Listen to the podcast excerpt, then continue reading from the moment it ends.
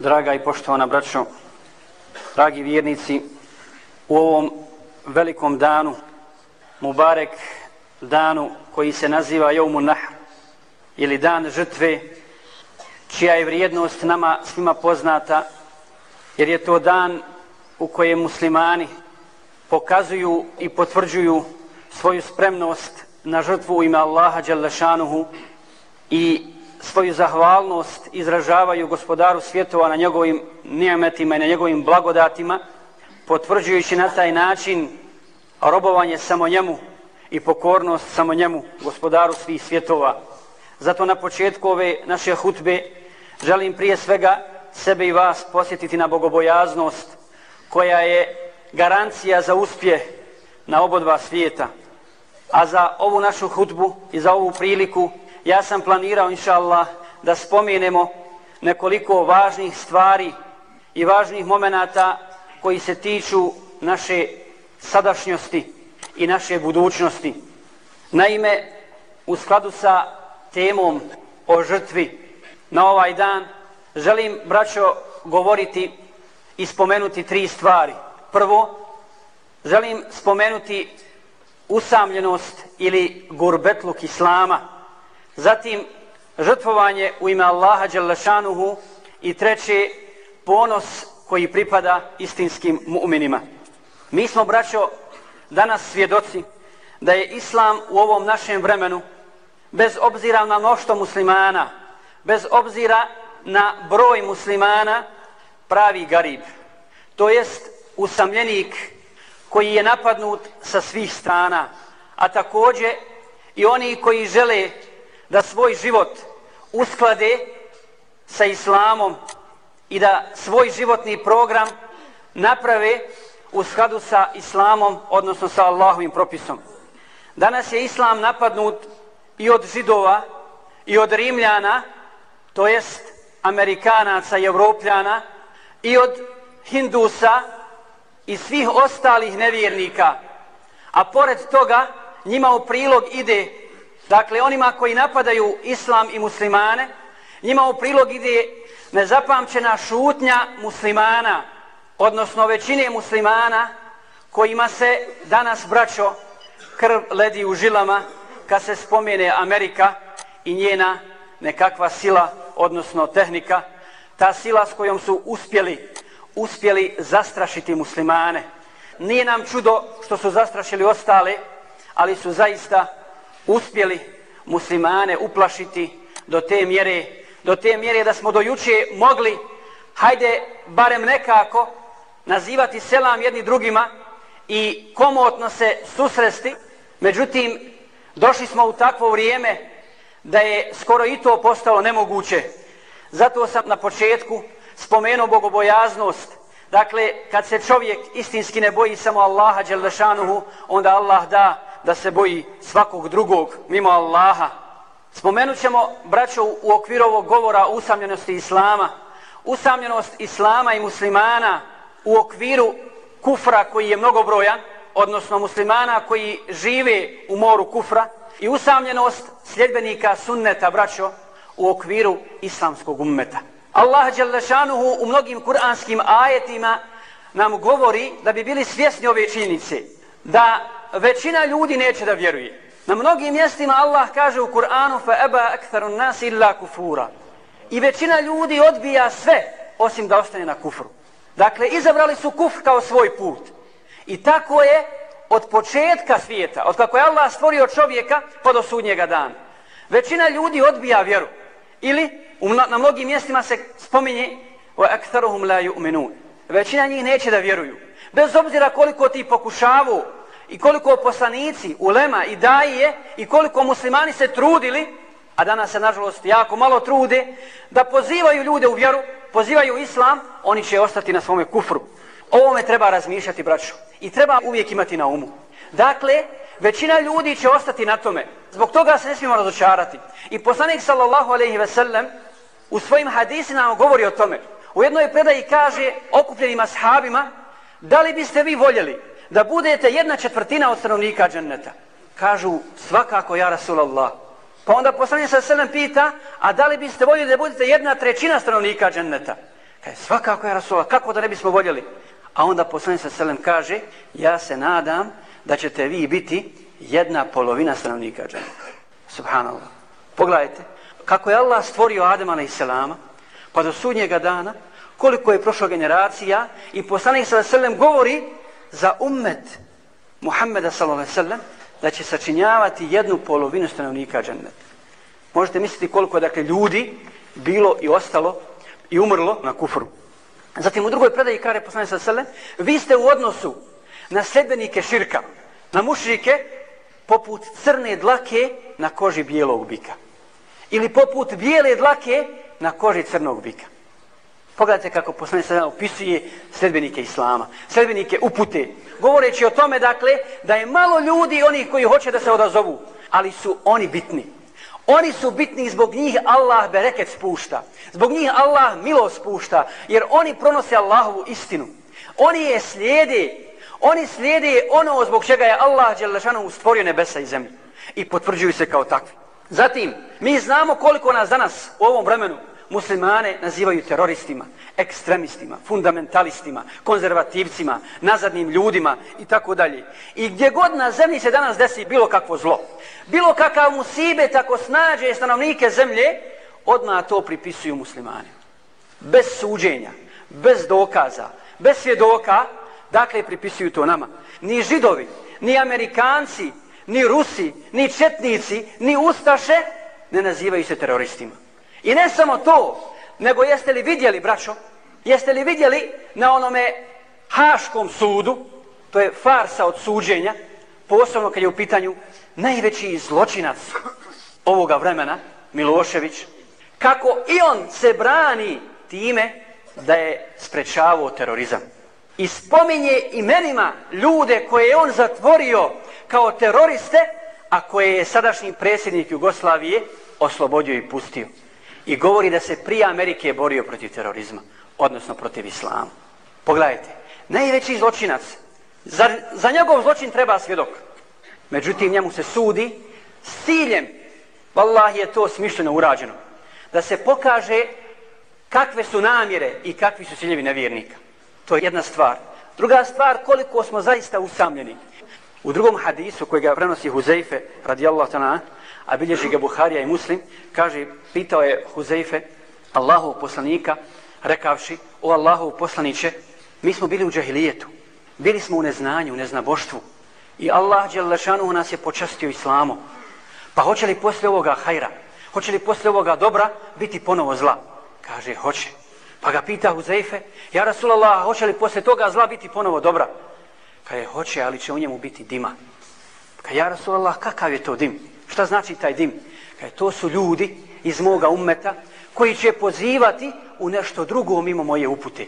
I njihova srca su poput šeitanskih srca. Pa kaže Huzeifa, ja Rasulallah, šta mi preporučuješ tada? Kad drži se džemata. A šta ako ga ne bude, ja Rasulallah?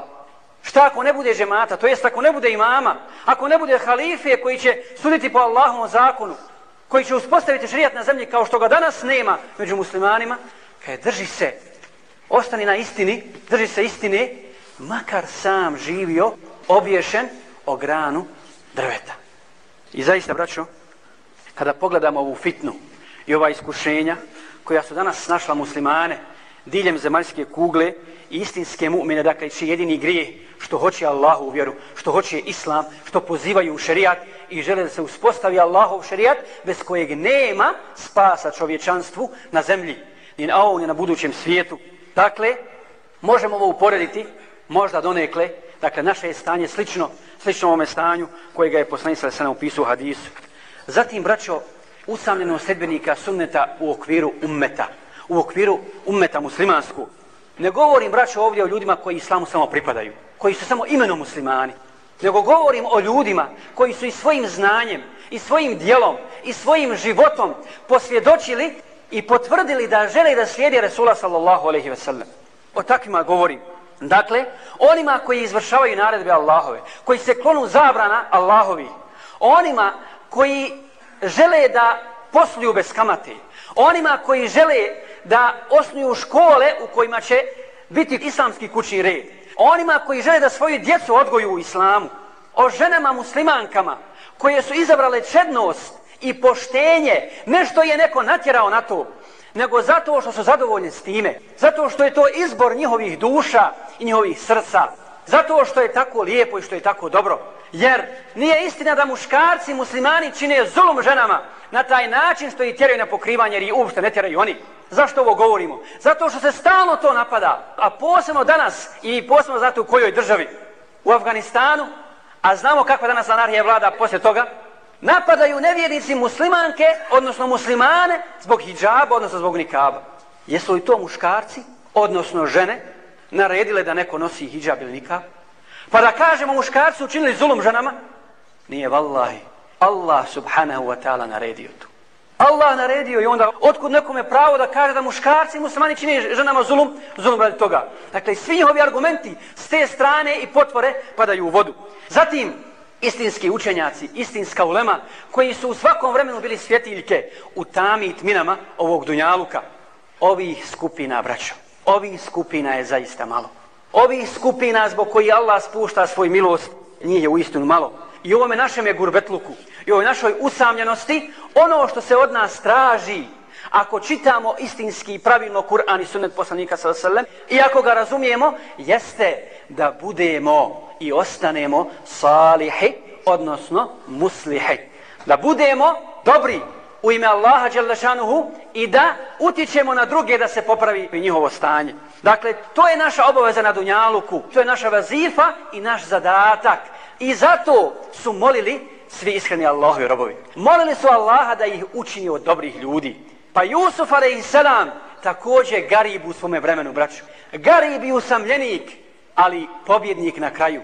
Kao što uvijek pobjeđuju istinski, bogobojazni ljudi, moli Allaha subhanahu wa ta'ala nakon što ga je postavio za vladara, nakon što ga je spasio fitni i iskušenja koja su mu pripremili bili i braća i žena koja ga je navodila na grijeh i tako dalje, moli Allah subhanahu wa ta'ala kaže tawafani musliman wa alhikni bis salihin gospodaru, usmrti me kao muslimana i pridruži me dobrim ljudima. Ibrahim a.s također jedan od gariba, od muslimana koji je bio garib u svom vaktu, i koji je bio poslanik hijđi, mora je stalno da čini hijđu zbog napada od strane kjafira. I on nam je primjer. I o njegovu žetu ćemo govoriti. Šta kaže? Rabbi hebli hukma wa alhikni bis salihin. Gospodaru podari mi mudrost i priključi me i pridruži me dobrim ljudima. I pitanje za nas, kada će nestati braća ovog gurbetluka? Ove usamljenosti islama i muslimana i ovog poniženja? Odgovor je sljedeći. Prvo, kada se muslimani budu istinski žrtvovali za Allahovu vjeru, kao što se Selef žrtvovao, prve generacije, to je na Dunjaluku, o čemu ćemo govoriti, i drugo, na Ahiretu, kada noga, inša Allah, smirno zakorači preko kapije dženneta i kada gospodar svjetova upita džennetlije, molimo Allah da budemo mi od njih, jeste li zadovoljni sa mnom, pa će reći, Gospodaru, zadovoljni smo. Kako da ne budemo zadovoljni kad si nas spasio džehennema i uveo nas svojom milošću u džennet. Pa će reći Allah subhanahu wa ta'ala, ja sam s vama zadovoljan i nikada se na vas neću rasrditi. Kada je u pitanju žrtva za ovu vjeru, braćo, tu lekciju trebamo naučiti prije svega od Allahovih poslanika i njihovih sedbenika, a posebno od Ibrahima, alaihi salatu wassalam. Njegov slučaj i primjer, braćo, jeste primjer najvećeg imana. Jeste primjer bogobojaznosti i iskrenosti koja je neupitna. Iskrenosti prema Allahu subhanahu wa ta'ala i spremnosti da se žrtvuje najdraže što se ima za Allah. Wallahi, muslimani kad bi samo ovom primjeru razmišljali, dovoljno bi bilo da ih postakne na žrtvu za Allahu vjer. vjeru. Dovoljno bi bilo da ih postakne na žrtvu za Allahu i da se postigde gospodara svjetova i da se postigde ovog primjera Ibrahima alaihissalama koji je nakon što njegov narod nije htio da prihvati vjeru, nakon jasnog dokaza, a koji je to dokaz, braću? Nakon bacanja u vatru. Bačenje u vatru i Allah ga spasio. Izišao je zdrav iz vatre i ljudi nisu prihvatili. I Allah kaže, nije mu povjerovao niko, ni poslije toga, osim Lut. Samo jedan čovjek. I tada čini hijđru, odluči se da čini hijđru od takvog naroda i kaže, وقال إني ذاهب إلى ربي سيهدين ja odlazim svome gospodaru. On će me uputiti na pravi put. I onda na tom svom putu kaže, pošto ne imao djece, Rabbi hebli mine salihin. Gospodaru podari mi čestita potomka. Česta potomka zašto? Da mu pomogne u davi. Da mu pomogne u prenošenju Allahove vjeri. Allahove istine. I nakon što ga je Allah počastio djetetom, muškarcom, sinom Ismailom, i nakon što je on odrastu, Allah subhanahu wa ta'ala mu putem sna, jer poslanički snovi su istina, naređuje da treba svojom rukom da zakolje svoga sina. Braćo draga, nije sanjao Ibrahim da su mu vuci pojeli sina. Niti je sanjao da su ga nevjernici uhapsili i odveli negdje ili ubili zbog terorizma. Zbog toga što su ga potvorili za terorizam. Nego je sanjao da treba svojom desnicom da zakolje svoje dijete. Plod svoga srca. Zaista kada svako od nas razmišlja o ovom događaju i postavi pred sebe tu sliku, neka izvaga koliko je spreman da žrtvuje, a koliko malo žrtvujemo za Allahovu vjeru. Dakle, izvršio je Allahovu naredbu bez ikakvog pogovora i pokazao i potvrdio šta znači istinski iman i šta znači istinska žrtva. Dakle, to je bilo iskušenje s kojim je Allah iskušao Ibrahim a.s. i on se potvrdio kao istinski i čestit rob Allahu, a on je za nas uzor, braćo.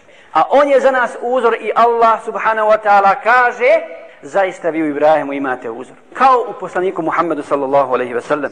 Zatim, moramo dobro znati, braćo, i biti svjesni toga da muslimani, da prve generacije, da Arapi od čobana nisu postali vođe tek tako, bez istinske žrtve. Nažalost, danas nije tako. Nažalost, danas muslimani uče kako treba da se žrtvuje od židova od židova koji su sve žrtvovali, baš onako kako su ashabi žrtvovali u ime Allaha subhanahu wa ta'ala, tako danas židovi žrtvuju zbog svoje nakaradne ideje i zbog svoje vještačke tvorovine i učije muslimane kako se žrtvuje. Amerikanci i ostali kjafiri učije muslimane.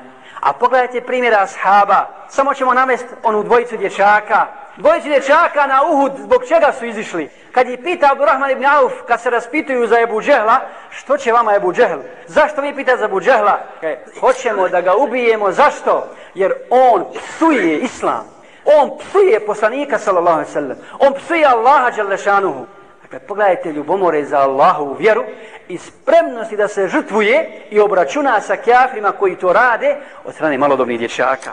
Zatim, kada se proširila vijest na Uhudu da je preselio poslanik sa srlem, da je poginuo, pa ljudi pošli da bježe, nastala je panika, šta je rekao Enes ibn Nadr? Ljudima koji su bježali, kuda bježite? Pa kaže, preselio je poslanik, poginuo je. Pa kaže, pa šta vi čekate posle njega? Šta očekujete posle njegove smrti? Vratite se i poginite za ono za što je on poginuo. On poginuo, vi bježite. Zar ste zadovoljni s tim? Dakle, to je istinsko, istinsko razumijevanje dina i spremnosti da se žrtvuje za Allahov din. I ashabi su se jednako odazivali na poziv hajjal al džihad kao i na hajjal al sala. Isto jednako. Bilo im je slatko otići, boriti se na Allahovom putu i širiti tako vjeru.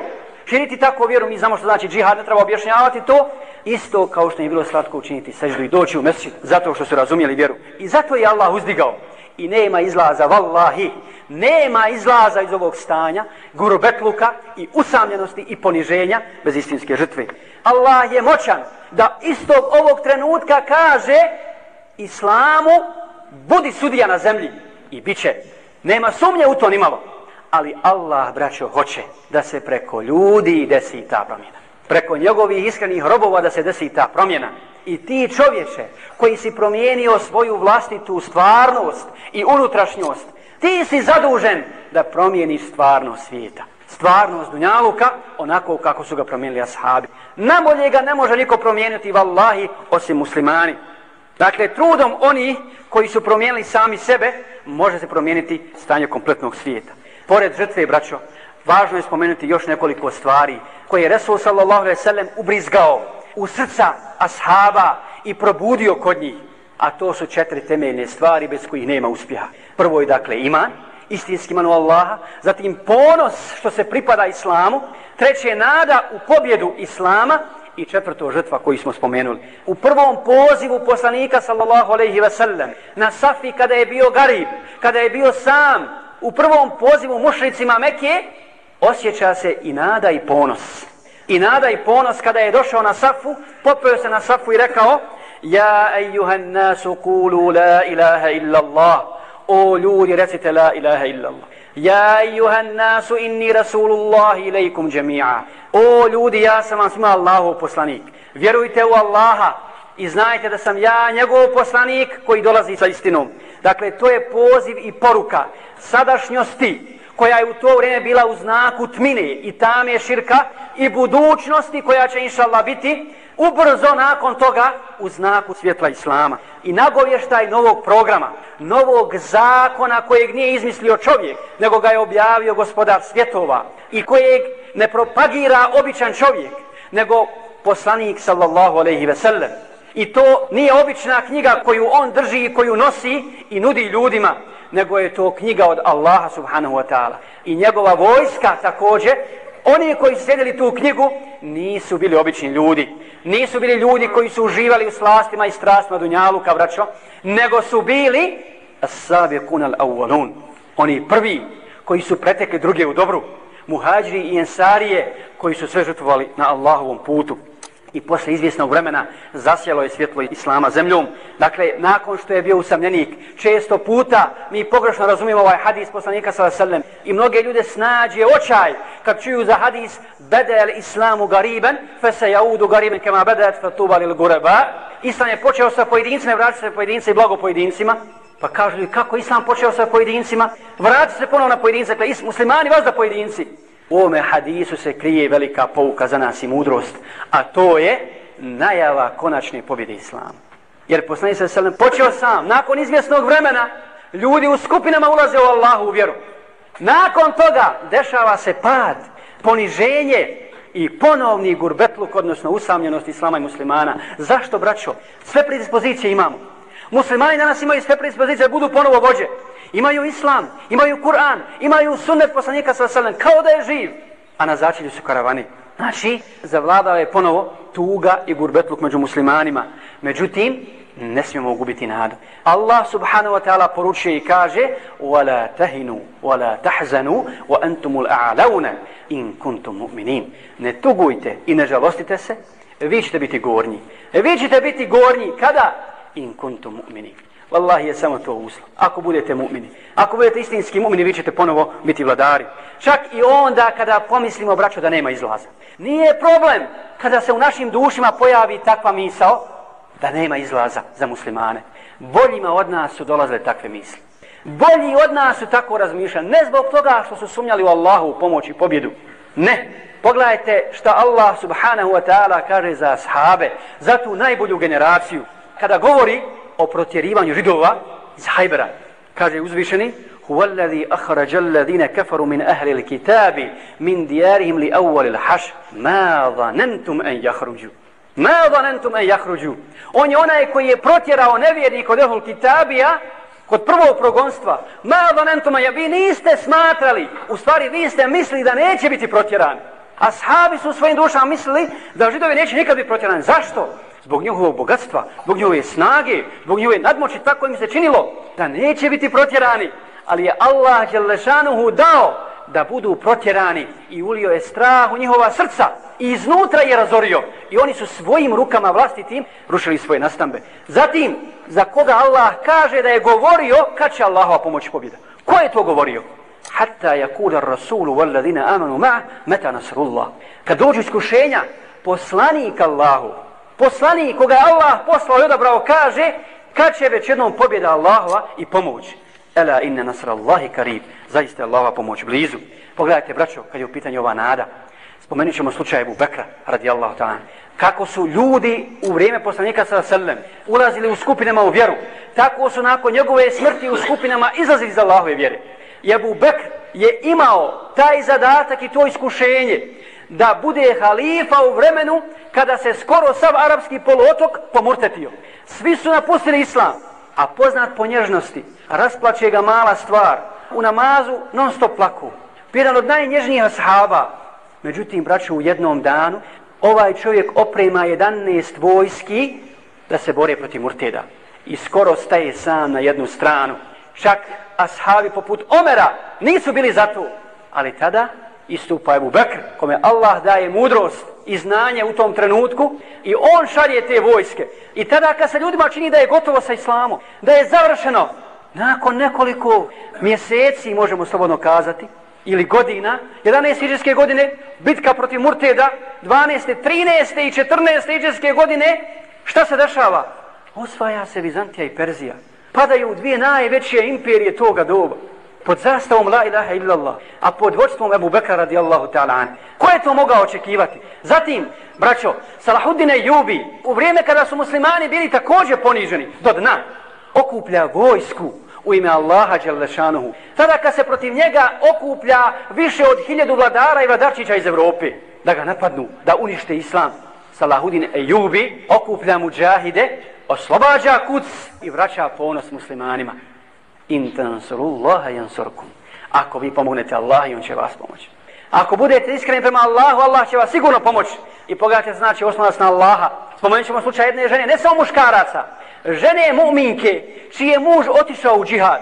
Ona nije imala ni svoga oca, ni majke, ni njegovog oca, ni majke. Ostala je sama sa svojom djecom. Pa kad je komšiluk čuo, znate kako se to dešava kod nas? Dođu u žene pa kažu, kako ćeš sama? Stoliko djeci. Ko će ti donositi obskrbu? Ko će ti zarađivati? I tako dalje. Ko će se brinuti o djeci? Pogledajte šta odgovara ova muminka. Koja uči ne samo te žene, nego muškarce, muslimane, šta je tevakul na Allaha. Kaže, što se tiče mog muža, ja njega znam kao muža i radnika koji je donosio. A ne znam ga kao razaka. Ne znam ga kao obskrbitelja. Pa ako ode muž koji je bio radnik i donosio u kuću, ostao je razak. Ostao je gospodar svjetova. On će se brinuti. On neće izdati mu'mine. Dakle, mu'minka iskrena uči ljude, muslimane, kako treba da se osloni na Allaha Đelešanuhu. I sigurno za bogobojazne na kraju pobjeda i oni zaslužuju dobro na oba dva svijeta. Zato, braćo, molimo Allaha da nas učvrsti u imanu i da poveća naš iman. Da nam da ponos u islamu i sa islamom, jer u istinu se imamo čime ponositi. Kako da se ne ponosimo, braćo, sa vjerom, sa vjerom u jednog Boga sa vjerom u gospodara svjetova, dok drugi obožavaju ljude, dok drugi obožavaju stoku, dok drugi obožavaju drveće i kamenje, muslimani obožavaju Allaha subhanahu wa ta'ala, gospodara svih svjetova, kome će se sve vratiti. I nema sumnje da će ta ideja, odnosno da će Islam pobjediti. Evo, nedavno sam dobio nezvaničnu informaciju da nakon događanja u Americi, da je u Americi 30.000 ljudi primilo Islam. Zašto? Zato što nema drugog izlaza. Nema drugog izbora za ljude koji traže istinu osim u islamu. S druge strane, čitam sinoć, otvori jednu stranicu na internetu i čitam da u Rusiji sada već ima 3 miliona djece pubertetlija delikvenata koji čine najveće zločine i koji su teret društvu. Pa se predsjednik vlade mora obratiti pred parlamentom i staviti to kao gorući problem. 3 miliona maloljetnika koji se drogiraju, siluju, pale, kradu, pljačkaju, a pored ta 3 miliona, 1 milion je zatvoren u zatvoru. I kada tada su tek još više su počeli da se odmeću od kuća svojih, da bježe djeca, da napušte roditeljske domove, da budu domski razbojnici, kako je ovaj milion zatvoren. Pa razmišljaju sad da ih pusti. Ne znaju šta će, nemaju izlaza. Nemaju izbora, nemaju odgovora na to. A vallaj, odgovor postoji. Prihvatit će ga, inša Allah. I prihvatit će ga mnogi mnogi od Rimljana, kako je najavio poslanik sallallahu alaihi ve sellem, jer zaista samo Islam može ponuditi ljudima sreću. I molim Allaha Đelešanuhu da nam poveća nadu u njegovu milost i pobjedu, da ubrza pobjedu istine, da primi naša dobra djela, naše kurbane, naš ibadet, hađ oni koji su otišli na hađ, da nam oprosti grehe da nas uvede u džennet. Amin. I ja bi sa ovog časnog mjesta da vam čestitam svima ovaj bajram, ovaj blagdan. Kabbalallahu minna wa minkum, wa gafara Allahu lana wa lakum. جزاكم الله خير.